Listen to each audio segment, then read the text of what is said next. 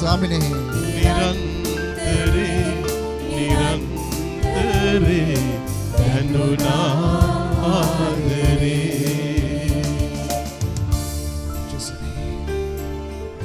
ජීවමාන ස්වාමිනී. ඔබ වහන්සේගේ ආදරය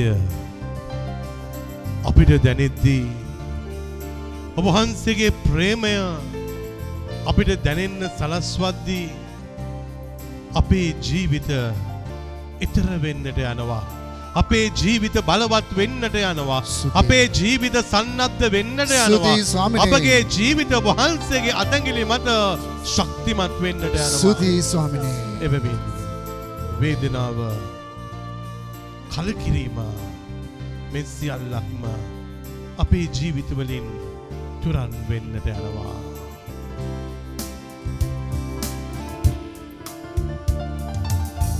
වේදනාවෙන් හදවත බිඳුනා වරින් වරේ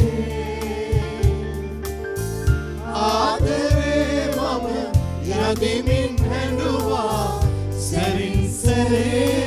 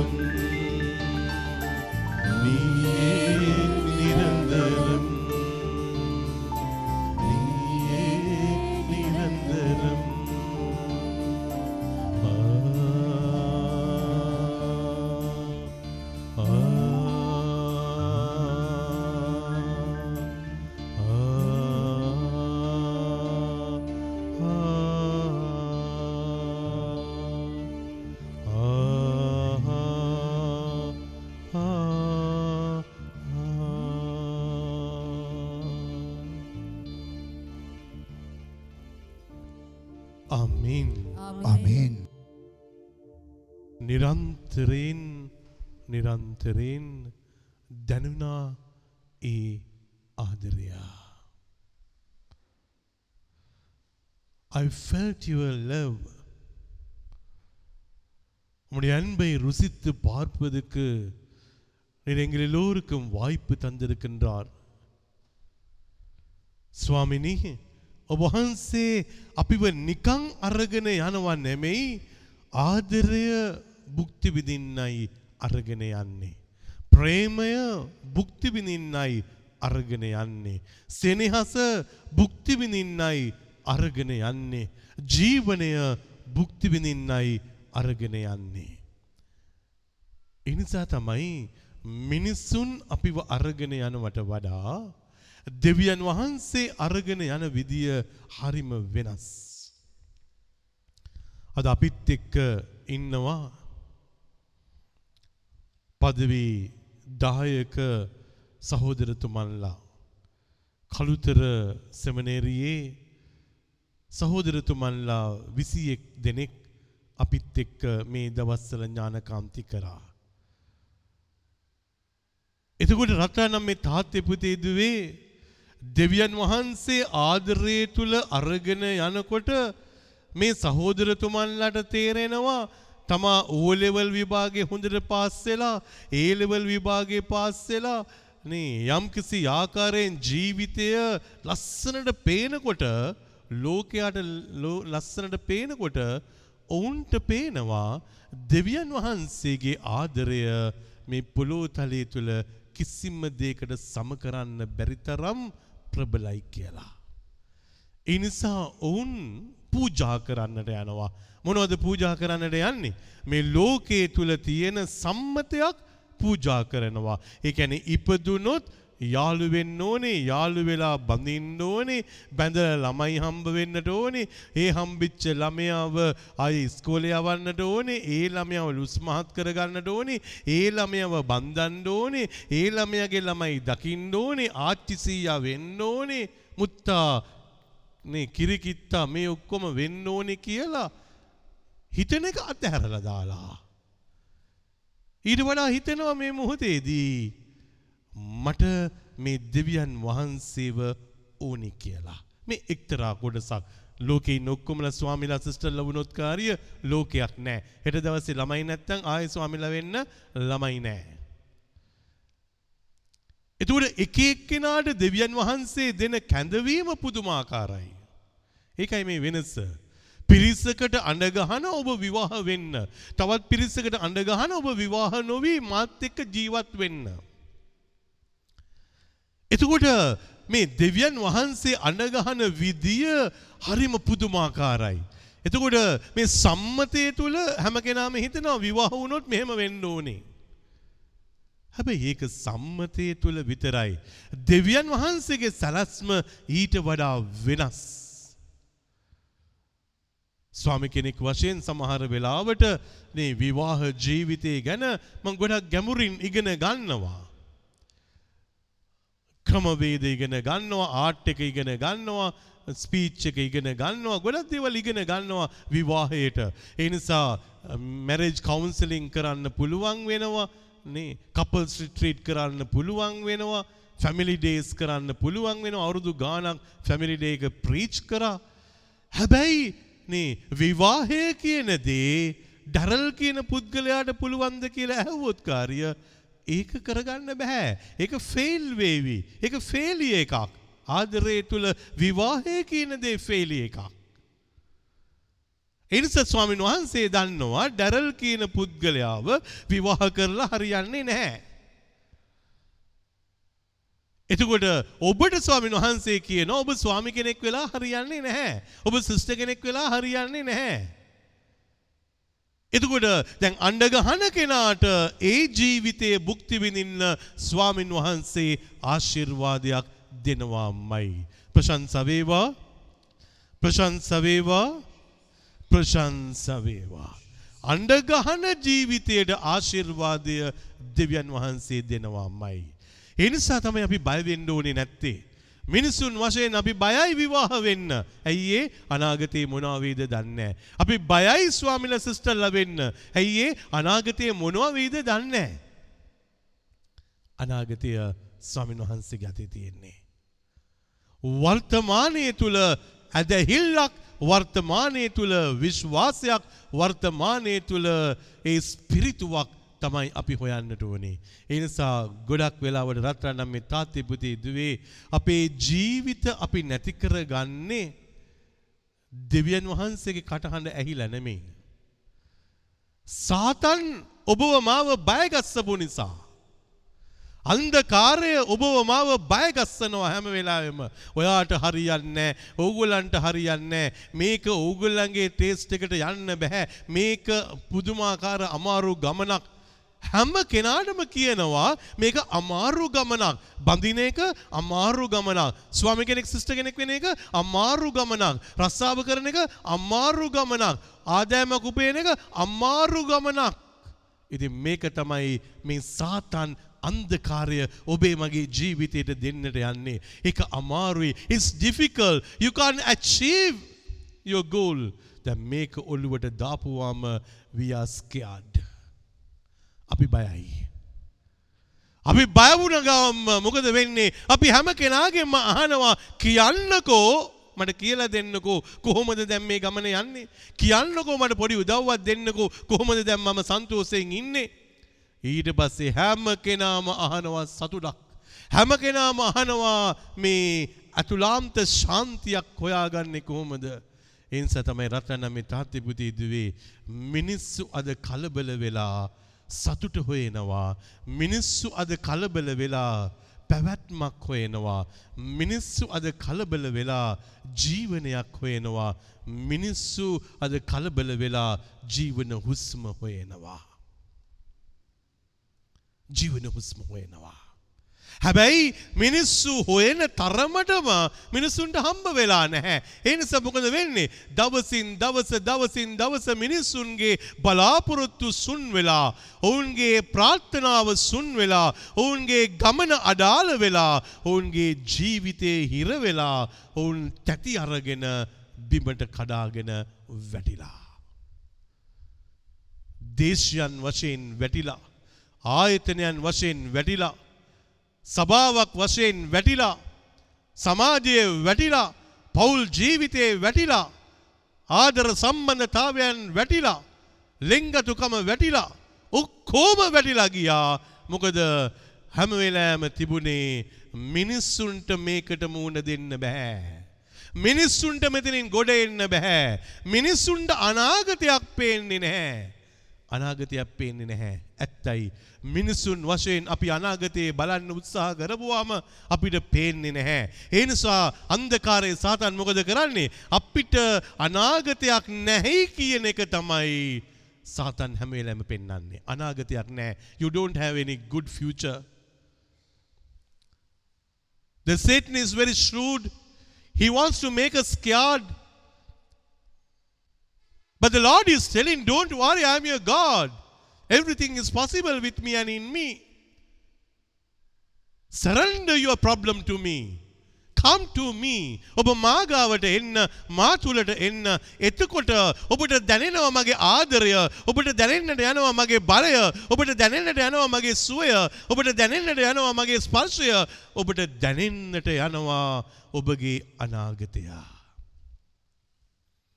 අපි ස්වාමින් වහන්සේ ගාවට යන්නේ නැතුව අනාගතයක් පතනවා. අපි දෙවියන් වහන්සේ ගාවට යන්නේ නැතුව අනාගතය ගැන බයින් වෙවුලනවා.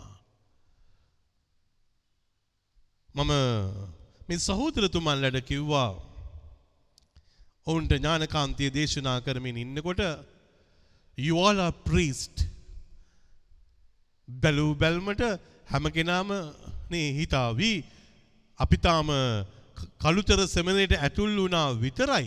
තම බ්‍රද කෙනෙක් වුණා විතරයි. ෆාදර් කොහොමද මට ස්වාමි කෙනෙක් කියලා කියන්නේ? එදා මෞකුසේ ඉපදෙන්නටන් මත්තෙන් ස්වාමින් වහන්සේ තෝරාගෙන දිවැස්වැකි දෙසන්න ස්වාමින් වහන්සේ අභිෂේක කරලා ඉවරයි.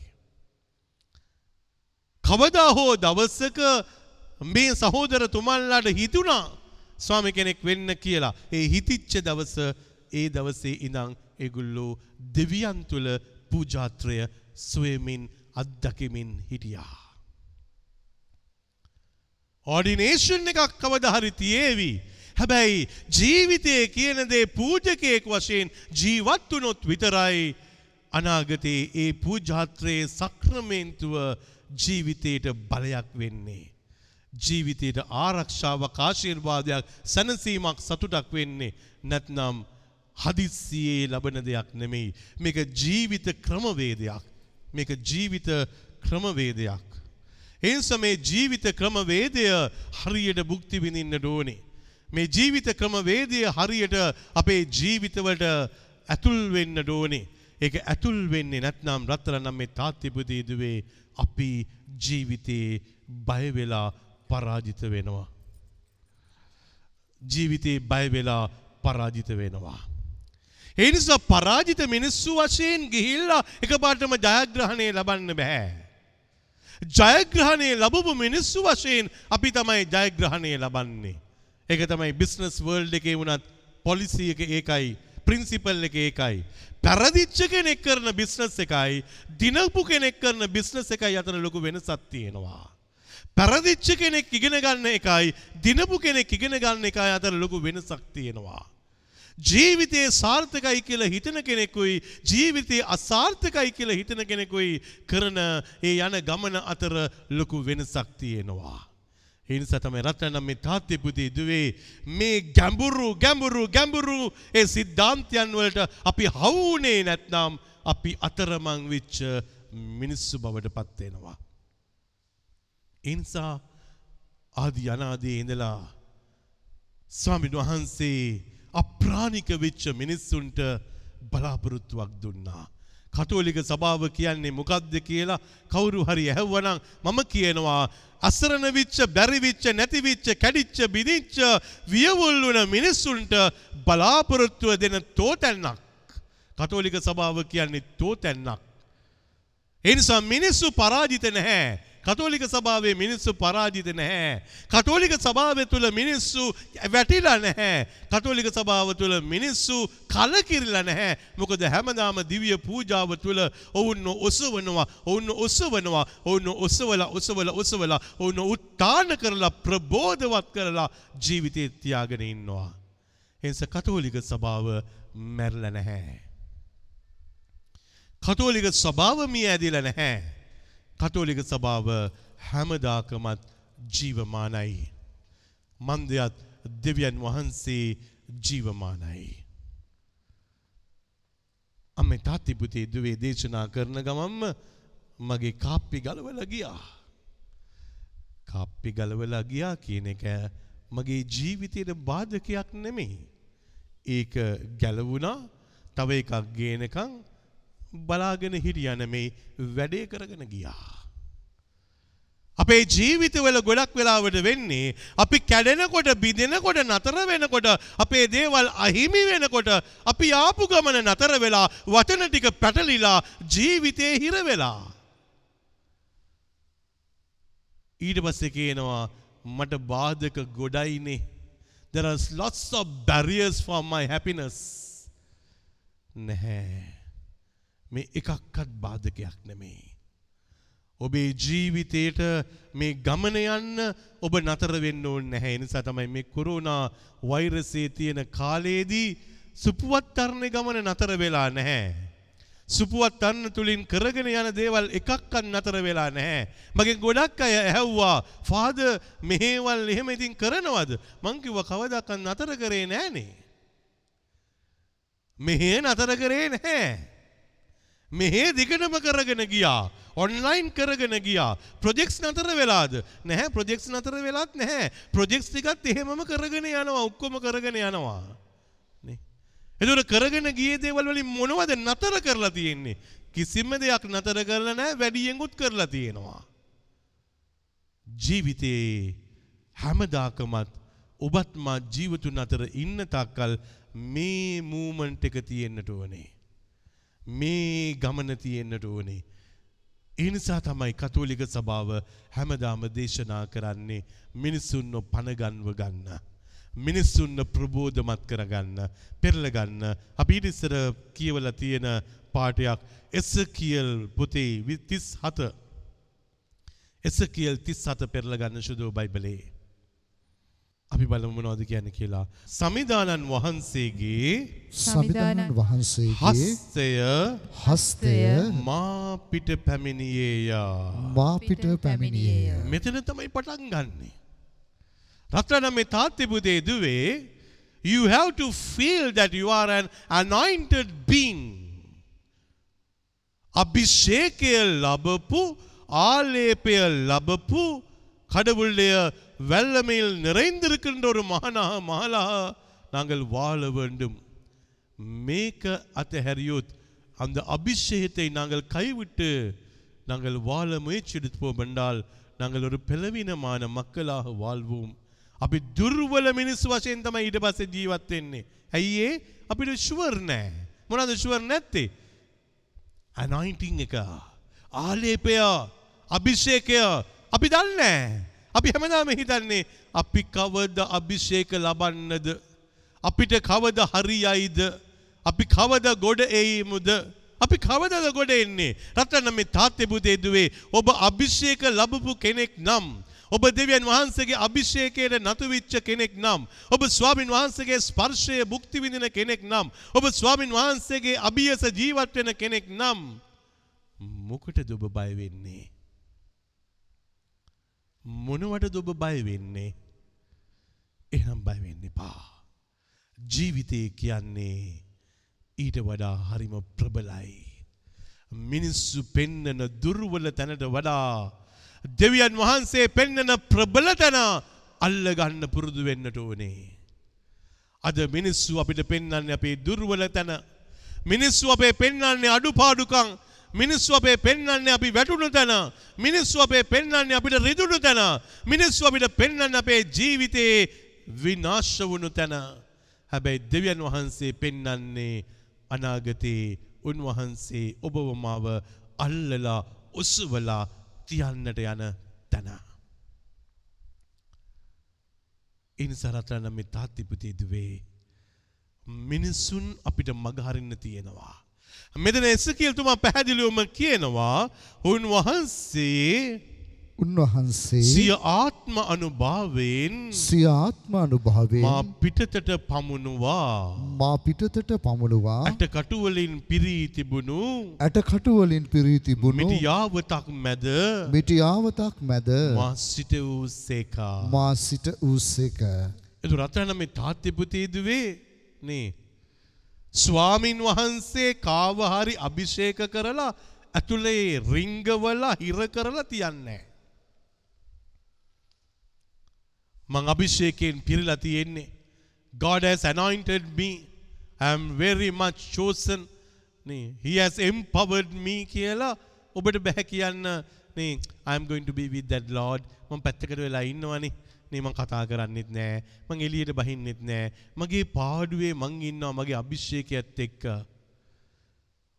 ඔබව කවද හරි ස්වාමින් වහන්සේ අභිෂේක කරාට පස්සේ ඔබට ඉන්න බැහැ. දේව අම්මගේ කුස ඇතුලේ ජේස්වාමින් වහන්සේව ජීවමාන කරාට පස්සේ ජේසු අම්මට එදා දවසේදී ඒ ගල්ලෙන ඇතුළට වෙලා ඒ ගෙදරට වෙලා ඉන්න බැරුව ගියා. ඇය එලිසබෙත්තුමිය බැහැ දකින්නට යනවා. ඇතුළේ ඉන්න බෑ අභිෂේකය ලැබුවට පස්සේ නමුත් අපි කියනවා මේ මොහොතේදී අපි අභිෂේක ලැබපු තාත්තා කෙනෙක්, අභිෂේක ලැබපු අම්මා කෙනෙක්. හැබැයි ගෙදරින් එළියට බහින්නේ නැහැ. වැඩකට යන්නේ නැහැ. රස්සාව කරන්නේ නැහැ. දියුණු වෙන්නේ යන්නේ නැහැ. ආර්ථිකය ගොඩනගා ගන්නේ නැහැ. නමුත් කියනවා මම අභිෂේකයි. ඔබ අභිෂේක වෙන තරමට ඔබේ දුර්වලකම් පහ වෙනවා අඩුපාඩුව පහ වෙනවා බයගතිය පහ වෙනවා තැතිගැන්ම පහ වෙනවා ඔබව ගෙනියලා ඕනෑම තැනක උන්වහන්සේ සිටවලත් තියෙනවා.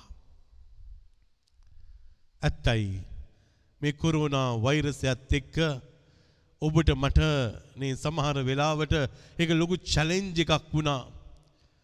අපිට දැන් මේ ඔක්කොම නේ අපේ මාවත් ඔක්කොම මිටියාවත් මේ ඔක්කොම ඇටකටු තියෙනවයි කියලායි අපිට හිතෙන්නේ. මරණයයි පෙන්වන්නේ. මරණය පෙන්නනවා ඒ නිසා මුළු ලෝකයේ තුලම මරණය පෙන්නනවා වෙන මොනව පෙන්නුවත් මිනිස්සු තැතිගන්නේ නැහැ. මියදිච්ච මිනිස්සුන්ව පෙන්වන්නට ඕනේ. නැතිවෙච්ච මිනිස්සුන්ව පෙන්වන්නට ඕනේ. ඒ නිසා මිනිස්සු වහන්නේ කොච්චරක් මැරුණාද? අද කීයද? කීයක් මැරලද? ඇමරිකාවේ කීයක් මැරලද? ඔස්ට්‍රේලියාවේ කීයක් මැරලද? මිනිස්සු මැරිච්ච ගාන තමයි හොයන්නේ. අම්මේ තාත්තේ පුතේ දුවේ මොකද මේ මරණය කියන දේ ඉස්සරහට ගෙනාවට පස්සේ මිනිසුන්ගේ ජීවිතවල බලාපොරොත්තු නැතුව යනවා. මරණය කියන දේ මිනිස්සු ඉදිරියේ තිබ්බට පස්සේ මිනිස්සුන්ගේ පැවැත්ම නැති වෙනවා. එනිසාද දේශයන් තුළ ෆැක්ටරීස් තුළ ආයතනයන් තුළ ගෙවල් තුළ මිනිස්සුන් මරලා නැහැ. මැරිච්ච මිනිස්සු වගේ ජීවත් වෙනවා. කතා බහ නැති ගණ දෙනු නැති සම්බන්ධතාවයක් නැති ඇහි හොඳයියක් නැති ලෙංගතුකමක් නැති අවබෝධයක් නැති උදව් උපකාරයක් නැති තේරුම් ගැනීමක් නැති මිනිස්සු වශයෙන් ජීවත් වෙනවා මලමිනි බවට පත් වෙලා ගේ තිබුණට ඒක නිකන් සොහනක් වගේ. තාත්තට කතා කරන්න වෙලාවක් නැති අම්මට කතා කරන්න වෙලාවක් නැති පුතාට දුවට කතා කරන්න වෙලාවක් නැති නංගිට මල්ලිට අක්කට අයියට කතා කරන්න වෙලාවක් නැති මලමිනි ස්ගක් බවට පත්වෙලා සොහුන් පිට්ටනියක් බවට පත්වෙලා හැම දෙයා හැම කෙනාම ගේ ඇතුලේ නිහඬයි. නංගි කාම්බරේ මල්ලි කාම්බරේ අක්කා කාම්බරේ ඔක්කෝමලා තාත්තා සාලේ අම්මා කුස්සියේ ඔක්කෝම මේ මොහොතේදී වැතිරිලා.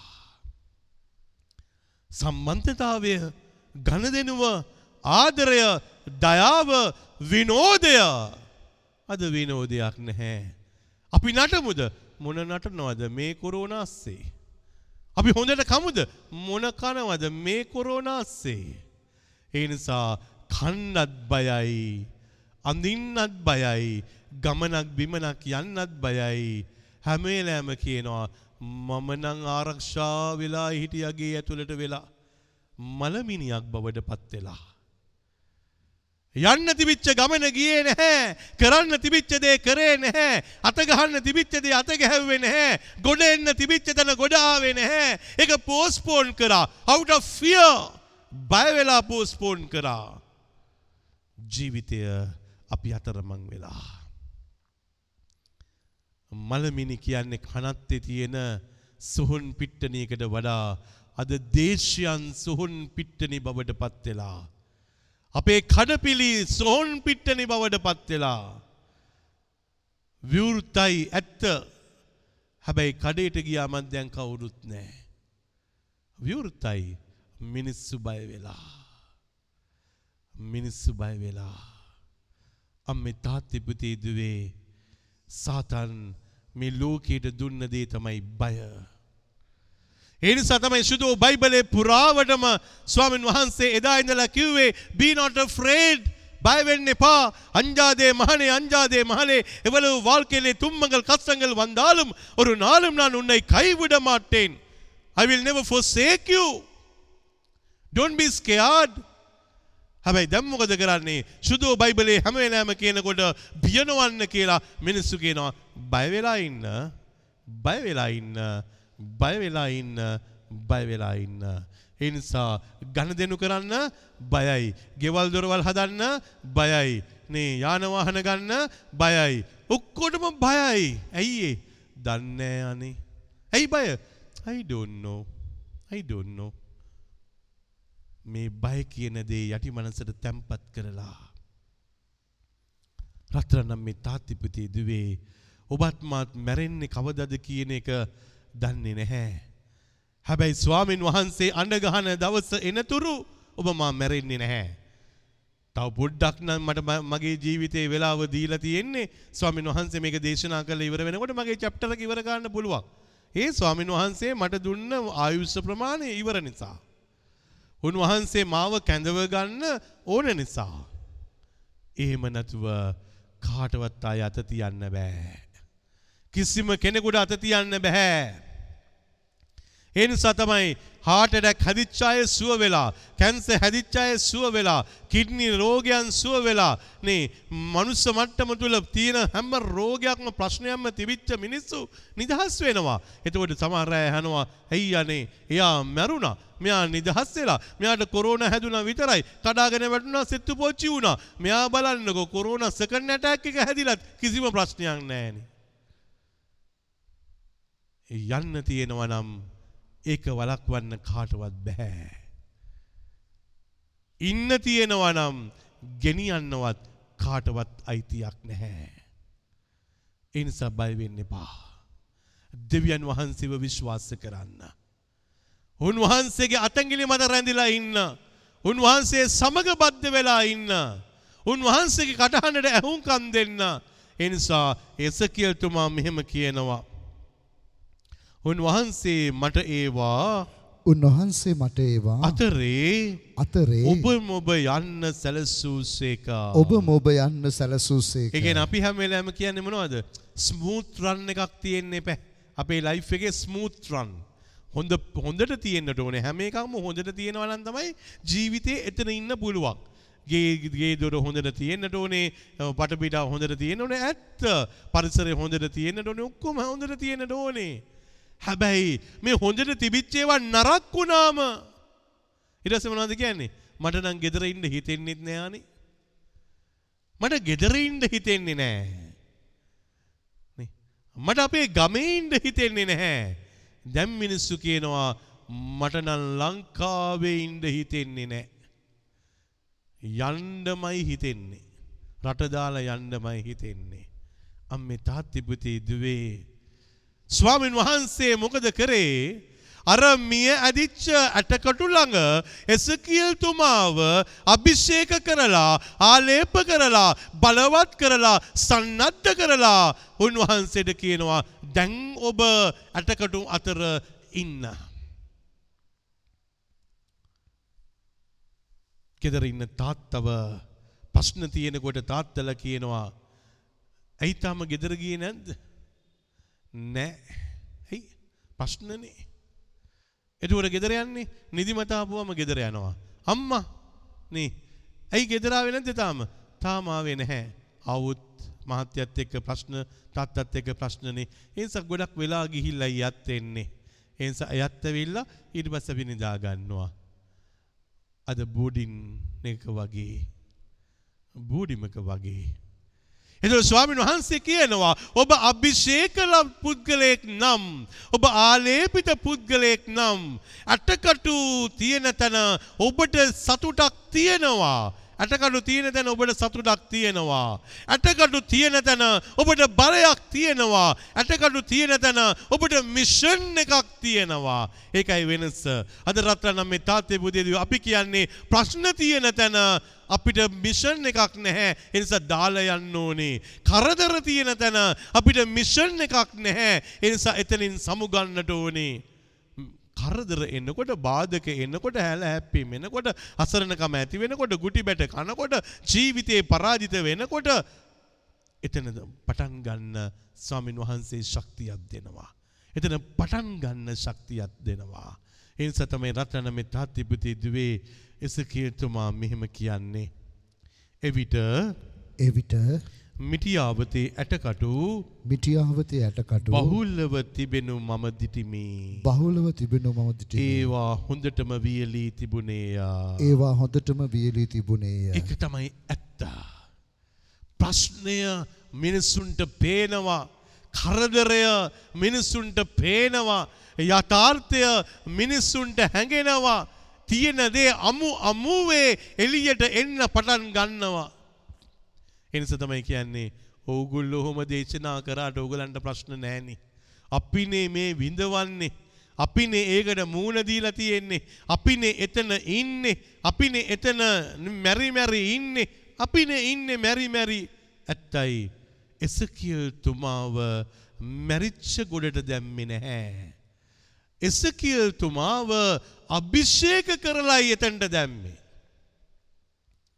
දැන් අපි ගෙදර ඉන්න අම්මා, ගෙදර ඉන්න තාත්තා, ගෙදර ඉන්න භාර්යාව, ස්වයංපුරුෂයා ප්‍රශ්නේ කතා කරනවා අභිෂේකය අතහැරලා දාලා. ඒ නිසා මහත්යටත් තරහ ගිහිල්ලා, වයිෆ්ටත් තරහ ගිහිල්ලා. අම්මටත් තරහ ගිහිල්ලා, දුවටත් තරහ ගිහිල්ලා. පුතාටත් තරහ ගිහිල්ලා නේ අර ගෙදර ඉන්න ඔක්කොටම තරහ ගිහිල්ලා. දැන් තරහව පිරිමහන තැන කොහෙද කියලා ආපුවාම ගේ කෑ ගහගන්නේ කොහෙද? ගේ. ගුටි බැට දෙන්නේ කොහෙද? ගේ. නේ. සණ්ඩු වල නිමාවක් නැත්තේ කොහෙද? ගේ ඇතුලේ. අයියේ. අභිෂේකයේ කියන දේ පැත්තක දාලා සණ්ඩුව විසඳ ගන්න යනවා. ප්‍රශ්නය විසඳගන්න හදනවා. කරදරයෙන් ගොඩ එන්න හදනවා. ඒ නිසා කරදරය පෙන්නලා දෙනවා. හැම වෙලාවම මේ වගේ දේවල් ඔයා මට කරා. මේ වගේ දේවල් ඔයාගෙන් මට වුණා. ඒක තමයි මේ ප්‍රශ්නේට මුල. අන්තිමට කියන්නේ එච්චරයි. මේ ප්‍රශ්නේට මුල හොයලා very good.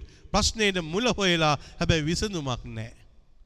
අන්තිමට තියෙන්නේ කඳුලකුයි වේදනාවකුයි එපාවීමකුයි තැතිගැන්මකුයි අසරණකමකුයි පීඩනයකුයි කඳුළු කතන්දරයකුයි විතරයි.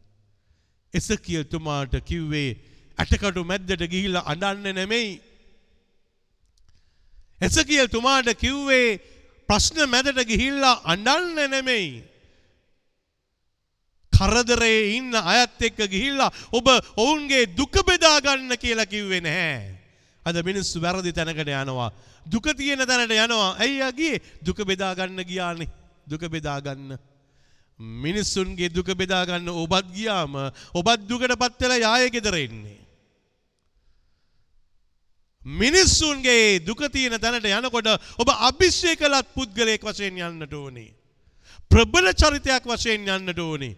දෙවිකත්වයෙන් පිරිච්ච කෙනෙක් වශයෙන් යන්නට ඕනේ. ආ එදාට ඒ මිනිස්සුන්ගේ දුක පහ වෙලා යනවා. ප්‍රශ්නය තුරන් වෙලා යනවා. කරදරය මිදිලා යනවා. ඔවුන්ට ආයෙත් අමුතු එලියක් බලයක් සතුටක් ලැබෙන්න පටන් ගන්නවා. ඒ නිසා තමයි ස්වාමින් වහන්සේ තුල මෙහෙම සිදු වුණේ. උන්වහන්සේ මට කතා කොට උන්වහන්සේ මට කතා කොට මනුෂ්‍ය පුත්‍රය මනුෂ්‍ය පුත්‍රය මේ ඇටුකටු වලට ජීවත් විය හැකිදැයි මේ ඇටකටු වලට ජීවත් විය හැකිද මාගෙන් ඇසූසේක. මාගෙන් ඇසූසේක. මමද මහෝත්තම දෙවි ස්වාමිනී. මම මහෝත්තම දෙවි ස්වාමිනි. ඔබ වහන්සේ ඒ දන්නේය. ඔබ වහන්සේ දන්නේ උන්වහන්සේට උත්තර දුනිමි. උන්වහන්සේ උත්තර දුන්නේ. උන්වහන්සේ අලිත් මට කතා කොට උන්වහන්සේ යලිත් මට කතා කොට නුඹ මේ ඇටකටු වලට නුඹ මේ ඇටකටු වලට දිවස් වැකි පවසා දිවස් වැකි පවසා මෙසේ කියන්න. මෙසේ කියන්නේ. ඒ කියන්නේ ප්‍රශ්න තියෙන තැනට බලාපොරොත්තුවේ වචනයක් දෙන්න. අපි එහෙම කරයිද? ප්‍රශ්නය විසඳගන්න එපෑ. දෙකින් එකක් අද නිදාගන්න ඉස්සර බේරගන්න එපෑ. අහන්න තියෙන දේවල් අමු අමුවේ අහන්න එපෑ. කියන්න තියෙන දේවල් අමු අමුවේ කියන්න එපෑ නැත්තම් කොහොමද මට දින්ද යන්නේ? කොහොමද මට සහනයක් ලැබෙන්නේ? කොහොමද අපිට සැනසීමෙන් ඉන්න පුළුවන් වෙන්නේ? විසඳ ගන්න ඕනේ ප්‍රශ්නය. ප්‍රශ්න විසඳ ගන්නයි හදන්නේ. අන්තිමට විසඳ ගන්න ප්‍රශ්න කතා කරලා අන්තිමට ලොකු කලබ ගෑනියක් වෙලා ලොකු සණ්ඩුවක් වෙලා. ඇයි ඒ ප්‍රශ්න විසඳ ගන්න ගිහිල්ලා? නැද්ද? මිනිස්සුන්ගේ ජීවිතවල ප්‍රශ්න විසඳ ගන්න ගිහිල්ලා නෙමෙයිද ප්‍රශ්න වැඩි කරගෙන තියෙන්නේ? කරදර වැඩි වෙලා තියෙන ඒ නිසා නෙමෙයිද? පෞල් ජීවිතවලට කනකොකා හඬලා තියෙන්නේ ඒ නිසා නෙමෙයිද?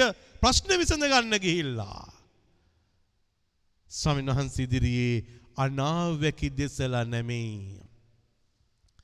සුබ වදනක් කියලා නෙමෙයි. You ඔබ මාව හර්ට් කරා. ඔබ මාව තුවාල කරා. ඔබ මාව තුවාල කරා කියලා කියනවා. තුවාල කරපු කෙනාට කියනවා තුවාල කරා කියලා. තුවාල කරපු කෙනාට බිම වැටිච්ච කෙනාට කිව්වොත් කාර්ය අනාගත බලාපොරොත්තුවක් ලස්සන අනාගතයක් දිවැස්වැකියක් අපි ඒක දෙසන්නේ නැහැ. අපේ ගෙවල් වල අනාගත දිවැස්වැකිය දෙසන්නේ නැහැ. අපිට ඕනේ මේ මොහොතේදී සොලියුෂන්ස් ඕනේ. විසඳුම් ඕනේ. අනාගතය නේ ලස්සනයි බය වෙන්න එපා. නේ ඔයා ඉන්න තාක්කල් ඔයාගේ ජීවිතේ සාර්ථක වෙනවා කියලා මට විශ්වාසයි. දැන් කාටද මේ කියන්නේ? ප්‍රශ්නත් එක්ක ඉන්න කෙනෙකුට, බොරු කරපු කෙනෙකුට, වංචා කරපු කෙනෙකුට, රවට්ටපු කෙනෙකුට, ජීවිතේ විනාශ කරපු කෙනෙකුටත් මේ මොහොතේදී ඒක ගැන කතා කරන්නෙම නැහැ. අනාගතය ගැන කතා කරනවා. එතකොට මොනවා කියයිද? නියමයි යන්නේ. ඔයා අනාගතේ කතා කරන්න කැමතිනේ නැහැ. එතකොට මොනවද කියන්නේ? නේ ඔයා ප්‍රශ්නෙන් පැනලා යන්න නේ යන්නේ. ප්‍රශ්නෙන් පැනලා යන්න එපා. ප්‍රශ්නේ ඇතුළට එන්න. ආයෙත් එන්න ප්‍රශ්නේ ඇතුළට. මිනිස්සු හැම වෙලාවෙම කියන්නේ ප්‍රශ්නේ ඇතුළට එන්න කියලා. මිනිස්සු කියන්නේ ප්‍රශ්නේ ඇතුළට එන්න. ප්‍රශ්නයෙන් පැනලා යන්න එපා. ඔයා කතාව මාරු කරන්න එපා. එහෙම තමයි කියන්නේ මිනිස්සු. කතාව මාරු කරන්න එපා දැන් ආ. ආයෙත් එතනට යන්නට ඕනේ. එතනට යන්න ඕනේ. ප්‍රශ්නේ ඇතුළට යන්න ඕනේ. අම්මේ තාත්තිපතේ දුවේ ප්‍රශ්නය ඇතුළට ගිය මිනිස්සු විඳවනවා. තාමත් විඳවනවා තාමත් විඳවනවා. ඇයි ඒගොල ප්‍රශ්නය ඇතුළටමයි යන්නේ. වේදනාව ඇතුළටමයි යන්නේ. කරදර ඇතුළටමයි යන්නේ. දුක ඇතුළටමයි යන්නේ. එපාවෙන තැනක කලකිරුණු තැනක ඔවුන් කියනවා අන්තිමට මේක ඉතින් මන් ලබා උපන් හැටි යන්නේ. කාටද බනින්නේ දෙවි කෙනෙක් ඉන්නවනම් මට මෙහෙම වෙයිද. ඒ දෙවියන් මට කරපු වෙන්න ඇහිය. දෙවියන් වහන්සේ කිසිම වෙන්න ඇහියක් කරලා නැහැ. මම ප්‍රශ්න හොයන කෙනෙක්. මම වේදනාව හොයන කෙනෙක්. අනාගතය දිවැස්වැකි දෙසන එක පැත්තක තියලා දැන් අපි මාව හර්ට් විච්ච තැන හොයනවා. මාව හර්ට් කරපු අය කවුද?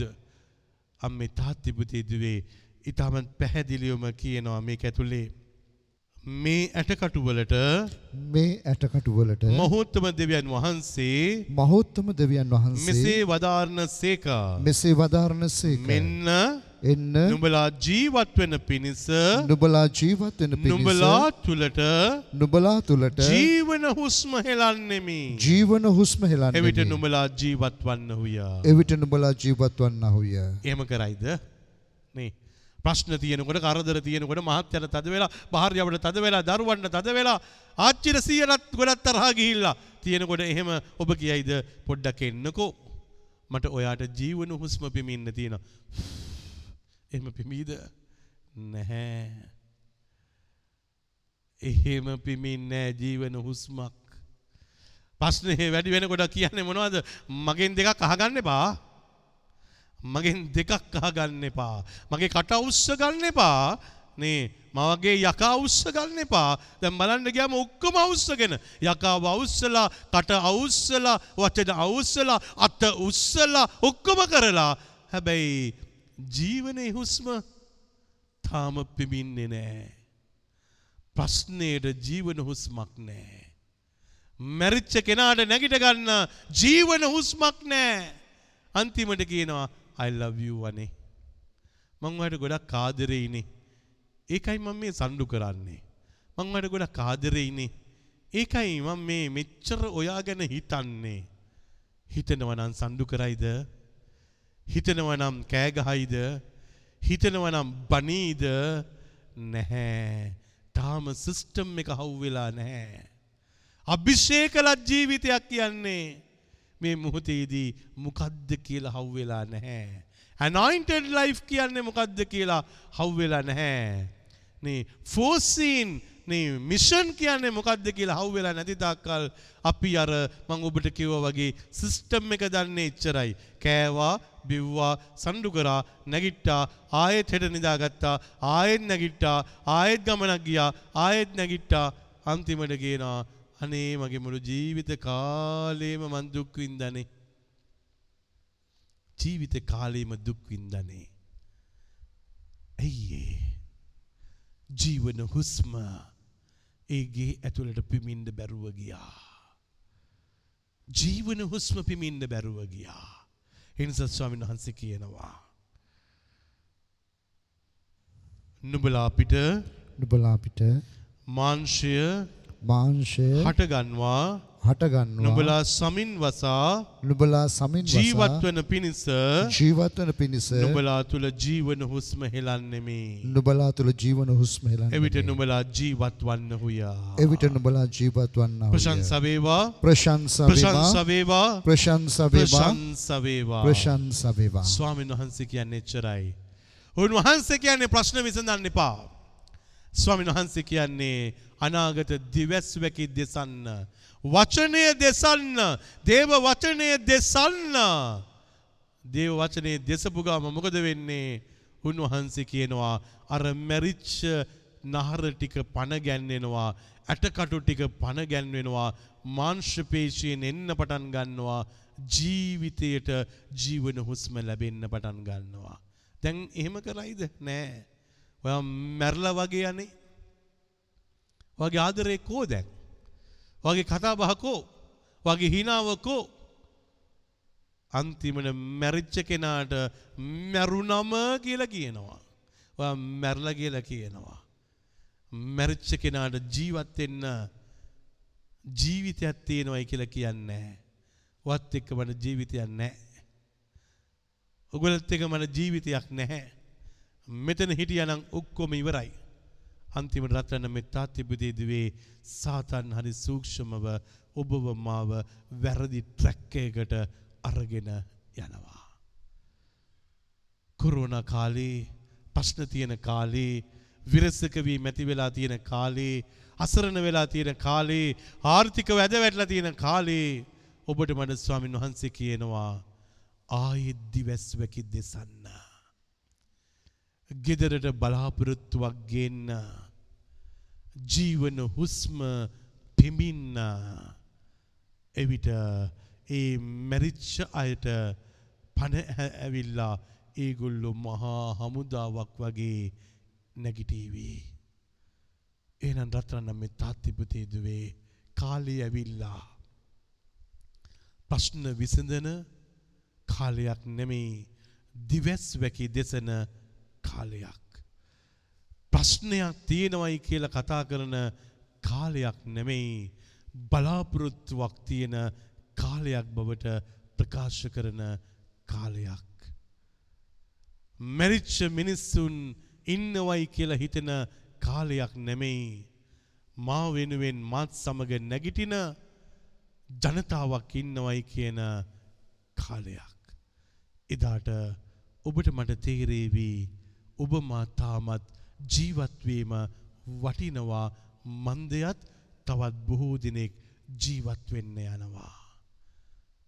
එනිසා තමයි කියන්නේ සුයිසයිඩ් ටෙන්ඩන්සිස් මේ පුළුව තලේ එකක්කත් වැදගත් නෑ.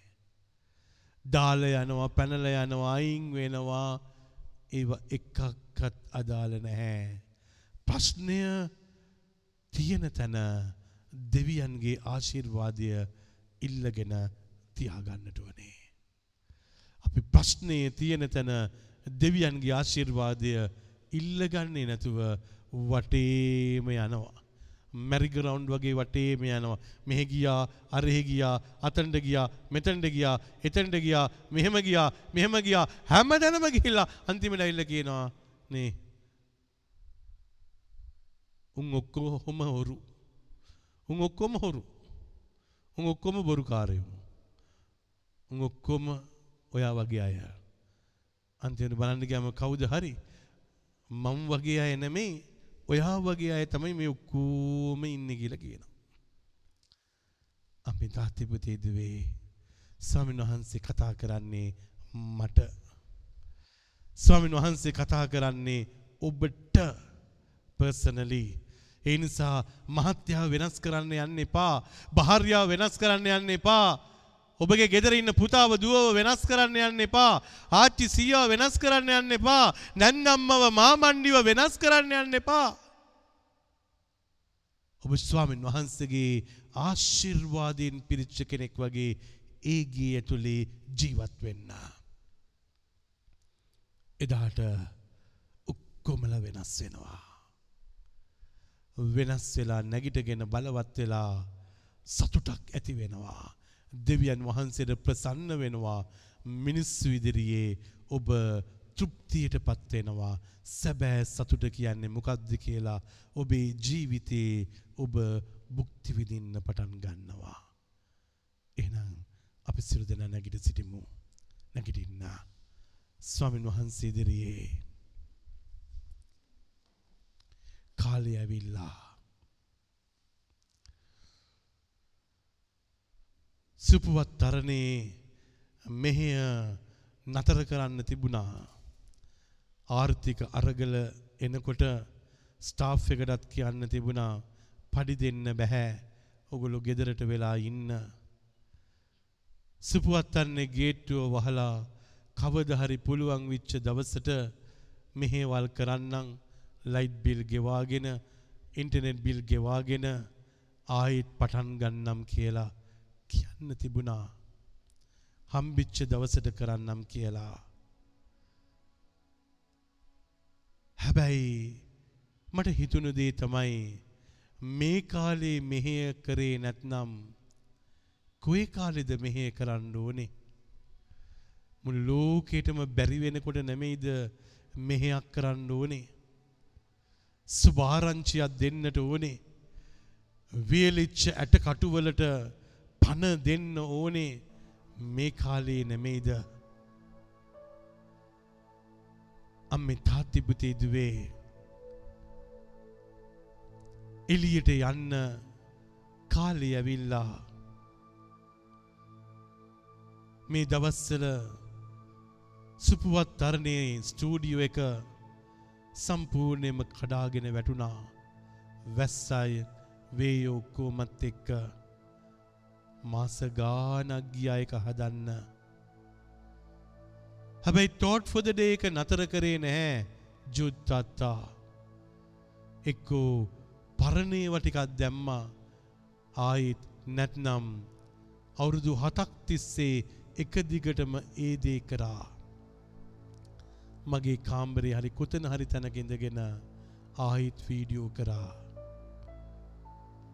ස්ටූඩියෝ එකේ අවශ්‍යතාවය තිබුණේ මැරිච්ච මිනිස්සුන්ට සුභාරංචියක් දෙසන්න හැමදාම තෝට් එකක් යවන්න. ඒනිසයි ස්ටූඩියෝ එකක් වුණේ නෑ සුපුවත් අන්නට ස්ටූඩියෝ එකක් තියෙනවයි කියලා කියන්න නෙමෙයි. හැමදාම තෝට් ෆොද ඩේ එකක් යවන්න. මේ සුපුවත් තරණේ බදාදා සහ නේ සිකුරාදා මේ මෙහේවල් නතර නොවී ගියේ වෙන කිසිම දෙයක් නිසා නෙමෙයි. හැමදාම අප්ලෝඩ් කරා. සෙත් FM එකට යව්වා. වර්බුම් එකට යව්වා. මෙහේවල් ඔක්කෝම යව්වා. මිනිස්සු හිරබිච්ච කාලයක මිනිස්සු කලකිරුණු කාලයක බලාපොරොත්තුවේ වචනයක් දෙන්නතුව ඉන්න බැරි නිසා. අම්මි තාත්තිපුතේ දුවේ අමාරුයි කියලා පැත්තකට වෙලා ඉන්න පුළුවන් හැබැයි මම නම් ලෑස්සි වෙනවා මුන්දල මේ ඉස්කෝල යන ළමයින්ට කරන කෑම්පින් සයිට් එක තාමත් හදාගෙන යනවා මේ කුරෝණ ඇතුළේ බලාපොරොත්තුවක් තියෙනවා මේ ඔක්කොම නතර වෙන දවස පාරවල් ඇරෙන දවස ඉස්කෝල පටන් ගන්න දවස වෙනකොට මේ තුවාල විච්ච දරුවන් වරගෙන ගිහිල්ලා සුව කරන්න පුළුවන් තැනක් වනේ. ඔන්ලයින් එකට පුරුදු වෙලා පුටුවේ ඉඳගෙන පෑ ගානක් ෆෝන් එක දිහා බලාගෙන හිටපු අපේ දරුවන්ගේ පෞරුෂත්ව වර්ධනය කරගන්න අවුට්බවුන් ප්‍රෝග්‍රෑම්ස් කරන්න තැන හැදෙන්න්නට ඕනේ. එනිසා ශ්‍රී ලංක න්‍යාෆූස් එකෙන් මං උදව්වක් ඉල්ලුවා. මට පුළුවන්නම් ඇඩ්වයිස් එකක් දෙන්න. ඔබගේ පිරිස දෙන්න. ඒ කෑම්පින් සයිට් එකේ අවුට්බවුන් ප්‍රෝග්‍රෑම් එක ඩිසයින් කරන්න. මැරිච්ච කොල්ලො කෙල්ලන්ට ආයිත් පණගැන්වෙන්න එතන ඇක්ටිවිටස් කරන්න. අද මේ රාත්‍රයේදී යාෆෝස් එකෙන් ගිහිල්ලා ඉවරයි ඒ සයිට් එකට. මං කිව්වා කොහොම හරි බඩු ටික ණයට හරි අරගෙන මේ වැඩේ කරන්නට ඕනේ. මම මෙච්චර වෙලා ලියුමක් ලිව්වා 1 මිලියන් ඕනේ. ලක්ෂ 10ක් ඕනේ ඒ ප්‍රොජෙක්ට් එක. එකට ගල් වැලි ගන්න යකඩ ගන්න ලනු ගන්න ලෑලි ගන්න ලක්ෂ 10ක් හොයන්න ඕනේ නමුත් මම විශ්වාස කරා ලක්ෂ 10ක් කියන දේ අද තියේවි හෙට නැතුව යාවි ඒක කොලයක් විතරයි. හැබැයි ජීවිත ගොඩ ගන්න කොහොම හරි හිඟා කන්නට ඕනේ. කොහොම හරි හොයන්නට ඕනේ. මේක ඇත්තක් වෙන්නට ඕනේ. එන්ස හાર્ඩ්වෙයාර් එකට කිව්වා ණයට මට දැම්මම දෙන්න විදියක් නැහැ. යකඩ ටික මට දෙන්න පුළුවන්ද? ඔවුන් කිව්වා දෙන්නම්. සිමෙන්ති ටික ඕඩ කරා දෙන්න පුළුවන්ද? වැලි ටික ඉල්ලවා දෙන්න පුළුවන්ද? කවද හරි ණය ටික බේරෙනවා. හැබැයි මට දැන් දෙන්න. මේක දැන් හදන්න ඕනේ. ළමයි වෙනුවෙන් හදන්න ඕනේ. අපේ තරුණ තරුණිය වෙනුවෙන් හදන්නට ඕනේ. ඒ හදන තැන අනාගතේ අපේ ළමයින් ආය මැරිච්ච ළමයි ටික නැගිටින්න ඕනේ. අනාගතය සාර්ථක වෙන්න ඕනේ අපේ දේශය ඇතුළේ. අම්මේ තාත්ති පුතේ දුවේ ස්ටූඩියෝ හැදෙන්නට ඕනේ මෙහේවල් කෙරෙන්නට ඕනේ කැම්පින් සයිට් ඩිවලප් වෙන්නට ඕනේ හොලිඩේ හවුසස් ඩිවලප් වෙන්නට ඕනේ ස්ප්‍රිතාල හැදෙන්නට ඕනේ ගෙවල් දොරවල් හැදෙන්නට ඕනේ. මේ ඔක්කෝම දේවල් වෙන්නට ඕනේ. මිනිස්සු දෙවියන් හොයනවා දෙවියන් වහන්සේ මැරුණයි කියල කියන්න නෙමෙයි පූජකයෝ ඉන්නට ඕනේ මැරිච්ච යුගයක දෙවියන් වහන්සේගේ ක්‍රියාකාරකම තාමත් ජීවමානයි. මැරිච්ච යුගයක දේවිකත්වය තාමත් ජීවමානයි. බ්‍රදර්ලගේ රිට්‍රිට් එක භාරගන්නකොට ලේසි නැහැ. දවස් ගන්නාවක් බ්‍රදර් ලබතියාගන්නේ කොහොමද ආදායම් මාර්ගයන් ඔක්කෝම ඉවර වෙලා තියෙද්දි හැබැයි දෙවියන් වහන්සේ එක නිමේෂයකටවත් එහෙම බාධකයක් දුන්නේ නැහැ. හැම දෙයක්ම කලට වෙලාවට ඉෂ්ට කරලා දුන්නා. ලේසියෙන්ම කියන්න තිබුණා ෆාද සිසිල් ජෝයිට අනේ මේ කාලේ කානික්කත් නැහැ ආදායමකුත් නැහැ ඒ නිසා මට නම් මේ අවුරුද්දේ මේක නම් කරන්න බැහැ. මේ ඔක්කෝම නැති වෙලා තියෙද්දී දෙවියන් වහන්සේගේ දිවැස්වැකිය විශ්වාස කරා. දෙවියන් වහන්සේගේ දිවැස්වැකිය විශ්වාස කරා. කොහොම හරි හම්බ වේවි. බ්‍රදර් ලව බඩගින්නේ තියන්නේ නැතුව ගෙදර යවන්න පුළුවන්. සෙමිනේට ආය යවන්න පුළුවන්. බඩගින්නේ තියන්නේ නැතුව එක වේලක් හරි මේක තමයි විශ්වාසය. අම්බේ තාත්තේ පුතේ දුවේ ජීවිතය කියන්නේ බලාපොරොත්තුවක්. ජීවිතය කියන්නේ දිවැස් වැකියක් දෙසීමක්.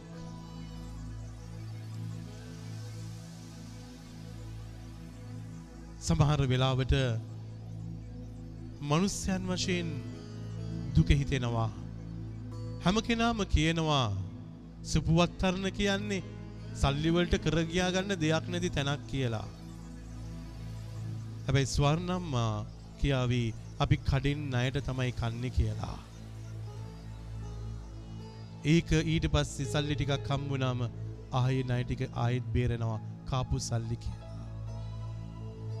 ජීවිතේ තියාගෙන නෙමෙයි දේවල් කරලා තියෙන්නේ.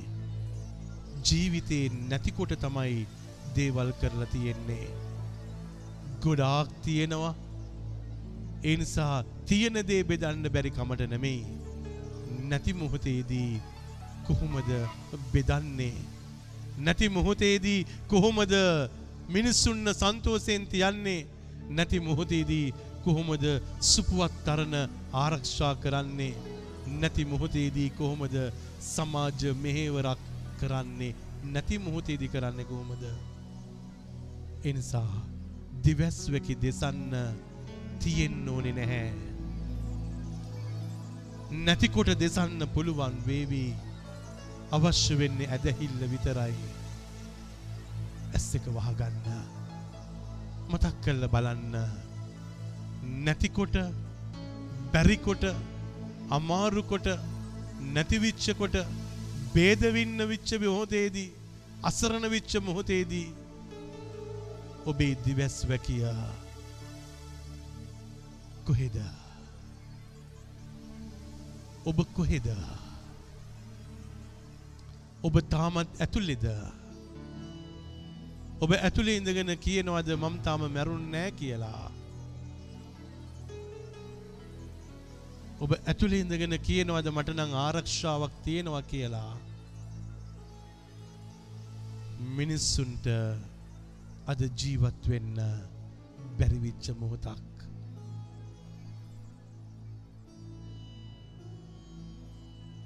අම්මේ තාත්තිපුතේ දුවේ චෝදනා කරනවට වඩා ආදරයෙන් දිවැස් වැකියෙන් පිරෙන්න බේද බින්න වෙනවට වඩා ප්‍රේමයෙන් දයාවෙන් තේරුම් ගැනීමෙන් ඔවුන් සමග එකඟ වෙලා එකමුතු වෙන්න. අඩු පාඩුව උළුප්පනවට වඩා කරපු පුංචි දෙයක්කෝ මතක් කරලා සන්තුස වෙන්න. එදාට ඔබට තේරේවී ඔබේගේ තාම මැරල නැහැ. සභාව මැරල නැහැ. අපේ දේශය මැරල නැහැ. සුපුවත් තරණ මැරල නැහැ. අපේ ආයතන මැරල නැහැ. අපේ පැරිෂස් මැරල නැහැ. ඒ ඔක්කෝම ජීවමානයි. යඥා කරන්න. අද සපුවත් තරණේ ඒ අලයින් නිර්මාණය කළා. ඒ ස්ටූඩියෝ එක ජුද්ධත්තයි අපිත් එක්ක මෙහි වැඩ කරන දර්ශන පුතයි ලොකු මහන්සියක් දැරුවා. ආය අලුතෙන්ම නිර්මාණය කරා.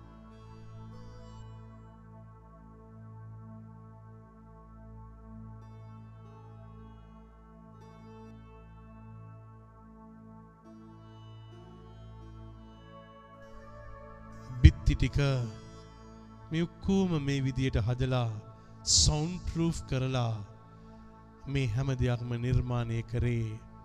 හෙට දවසේ ආයෙත් ටෝට් ෆොද ඩේ එක දවසේ සිතුවිල්ල ආයෙත් ලෝකයට අරගෙන යන්න. කාගෙන්වත් සල්ලිල්ලුවෙන හැම එකට අතට හම්බෙන කීය කීය හරි ඉතුරු කරගත්තා. තාමත් චුටි නයක් තියෙනවා. හැබැයි කොහොම හරි මේවා කරලා ඉවර කරා. අම්මි තාත්තිපුතේ දුවේ දේව වචනය දෙසන්න දෙවියන්ගේ ආදරය ගැන කතා කරන්න මනුස්ස සංහතියට බලාපොරොත්තුවක් දෙන්න බිදුණු හදවත් සුවපත් කරන්න. ස්වාමින් වහන්සිදිරීතුව තැන්නක්. එනිසා යක්ඥා කරන්න. අද ආයිත් ආරම්භ කරන ඒ ස්ටූඩියෝ එකේ වැඩ කටයුතු තුළ බොහෝ දෙනෙක්ගේ ආත්ම ගැලවෙන්න කතා කරන්න දිවැස්වැකි දෙසන්න අපි ඔක්කෝටම බලය දෙන්න කියලා ජුද්ධත්තටත් එක ලස්සන්ට මෙහෙවගෙන යන්න ශක්තිය ලැබෙන්න කියලා යක්ඥා කරන්න. අපේ දකුණුවත දික්කරමු මේ මොහොතේදී ඒ ස්ටූඩියෝ එක ස්පර්ශ කරන්න ඔබ රට හිටියත් ඔබ කොතන හිටියත් මේ මොහොතේදී යක්ඥා කරන්න ශුදු ස්වාමින වහන්සේගේ දෑතට බාර කරනවා. ඒ දිවැස්වකි දෙසන්නට ඒ තිබෙන්නාව ඒ තෝතැන්න ඔබ වහන්සේගේ දේවාශීර්වාදයට බාර කරනවා. ඒක සම්පූර්ණයම විනාශ වෙලා ඇද වැටිලා ගිය මොහොතක නැවත වතාවක්. ඒක පණ ගැන්වෙන්නට සැලස්වේ ඔබ වහන්සේමයි ස්වාමිනී. ඒස වහන්සේට ස්තුතියි ස්වාමිනී. ඒ සියලුම ගෞරවයත් මහිමයත් සදහටම වහන්සේට මෛත්‍රී කරලා දෙනවා ස්වාමිනී. ආශිර්වාද කරන්න ස්වාමිනී ආශිර්වාද කරන්න. වහන්සේ ස්පර්ශ කරන්න. මං අද බ්‍රදර්ස්ලට කිව්වා සිකුරාදා වෙනකම් මේ අය ඉන්නේ හෙට මේගොල්ලෝ ආයෙත් කළුතර සමනයට යනවා. එනිස මං කිව්වා ඔබ වෙනුවෙන් අපි යාඥා කරන්න පුරුදු වෙච්ච තැනක්. එනිස මං ආරාධනා කරනවා අනාගතයේ දිවැස් වැකි දෙසන්න මල් මිනි වලට පණ දෙන්නට යන මිනිසුන්ට බලාපොරොත්තුවක් දෙන්නට යන මුළු ජීවිතේම පූජා කරන කැප කරන සහෝදරතුමන්ලට ඉස්සරහට එන්න කියලා එන්න අල්තාරයට come to the altar sanctuary. මෙතන ත්‍රිකුණාමලේ මන්නාරම හලාවත කොළඹ ගාල්ල රත්නපුර අනුරාධපුර මේ ඔක්කොම අය මෙතන ඉන්නවා. යාපනයේ දෙන්නට විතරක් එන්න බැරුව ගියා. ඔවුන්ට කොරුවනා පසිටිව් වෙලා ඔවුන්ව මේ මොහොතේ කොරන්ටයින් වෙන නිසා. මේ ඔක්කොම තරුණ කොළු පැටව් අද මුළු ජීවිතේම කැප කරන්න මේ ඔක්කෝටම ඉගෙන ගන්න පුළුවන් අය. මේ ඔක්කෝම ප්‍රූ කරා ඕ ලෙවල් ඒ ලෙවල් ඉහලින්ම පාස් වෙලා ඉන්න දරුවෝ මේ. මේ කවුරුවක්වත් හැකියාවන් නැති අය නෙමෙයි. හැකියාවන් ගොඩකුත් එක්ක ඉන්න අය They are talented boys, talented brothers. They want to sacrifice their lives to glorify the Almighty Father. That's why they have chosen God's love, God's power. And they want to surrender their lives to God because they trust that God is not going to forsake them. මේක තමයි විශ්වාසය. මේ කුළු පැටව කවදාකත් බ්‍රදර්ලා වෙලා මුළු ජීවිතේම මේ තත්ත්වයට පත් කරගන්න අප කැප වෙන්නේ නැහැ. හෙට දවස අවිනිශ්චිතයි නම් දෙවියන් කියන කෙනා නැහැයි කියලා හිතුවා නම් කවදාකත් මෙහෙම වෙන්නේ නැහැ. මොවුන් විශ්වාස කරන දේ තමයි දෙවියන් වහන්සේ ජීවමානයි. ඒ නිසා අපේ තරුණ ජීවිතේ කැප කරන්නයි යන්නේ. මේ අය ස්වාමිලා වෙනකොට 2029 තමයි ස්වාමිලා වෙන්නේ. 2029 එදාට ස්වාමිලා වෙන්න අද විශ්වාස කරනවා. මං ඔක්කොම අතහරින්නම්. අඩුම ගානේ සෙලියුලර් ෆෝන් එකක් පාවිච්චි කරන්න බෑ මේ කොළු පැටවුන්ට නැත්තම් බ්‍රදර්ලට සෙලියුලර් ෆෝන් එකක් ෆෝන් එකක් අතේ තිබිලා හවු වුණත් ගෙදර යවනවා. සිගරට් එකක් බීලා බීර් එකක් බීලා හවු වුණොත් ගෙදර යවනවා. තමාට බඩගිනි කියලා අවේලාවේ එළියට ගිහිල්ලා කඩේක කාලාවත් අන්තිමට ගෙදර යන්නට ඕනේ. ජීවිතේ ඔක්කොම පරිත්‍යාග කරපු දරුවෝ. ඔබේ දකුණු අත දික් කරන්න ඔවුන් වෙතට ප්‍රාර්ථනා කරන්න ඔවුන්ගේ පූජාත්‍රය ඔවුන්ගේ ආදරවන්ත ජීවිතය හැමදාකමත් ගත කරන්න බොහෝ දෙනෙක්ගේ ආත්ම ගලවගන්න දේව ශක්තිය ලැබෙන්නයි කියලා ඔබේ වචන වලින් අපි යාඥා කරමු. ශුදුල් ස්වාමීන් වහන්සේගේ දෑතට බාර කරනවා ස්වාමීනි. ඔබ වහන්සේගේ අතංගලි මැදට බාර කරනවා. ඔබ වහන්සේ මට වඩා මේ දරුවන්ව දන්නා බැවින් එවැනි පූජාත්‍ර ගමනකට අරගෙන යන මේ මොහොතේදී කිසිම කරදරයකින් තොරව කිසිම බාධකයකින් තොරව මොනතරම් ප්‍රශ්න බාධක කම්කටොළු ආවත් ඒ සෑම දෙයක්ම ජය ගන්නට අවශ්‍ය කරන මාවත් එලිපෙහෙලි කර දෙන්න. ඔබ වහන්සේගේ දේව ආශිර්වාදයෙන් පුරවන්න ස්වාමීනි. ස්තුති කරනවා ස්වාමීනි. ඒ සියලුම ගෞරවයත් මහිමයත් සදානම ඔබ වහන්සේට මෛත්‍රී කළ දෙනවා. Thank you Lord Jesus. We praise you Lord Jesus for the mighty power that you are releasing right now. Right now Lord. We surrender their lives to you because you are the owner of their lives Lord Jesus. Make them good priests so that they will be able to tell the whole world that you are a loving, kind, forgiving, understanding God. Oh, Beshala Telabatoloi, Erebilaka Makopikadi, Sherabiloti Bitruti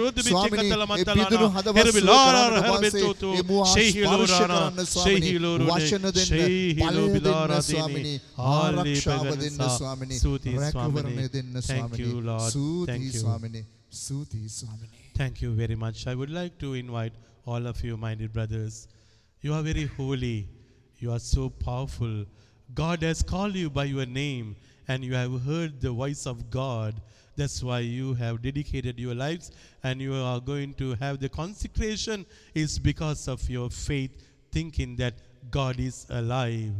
And I trust. I told you, you all are priests for me. And I would like to request you, will you be able to stretch out your right hand and bless the whole world?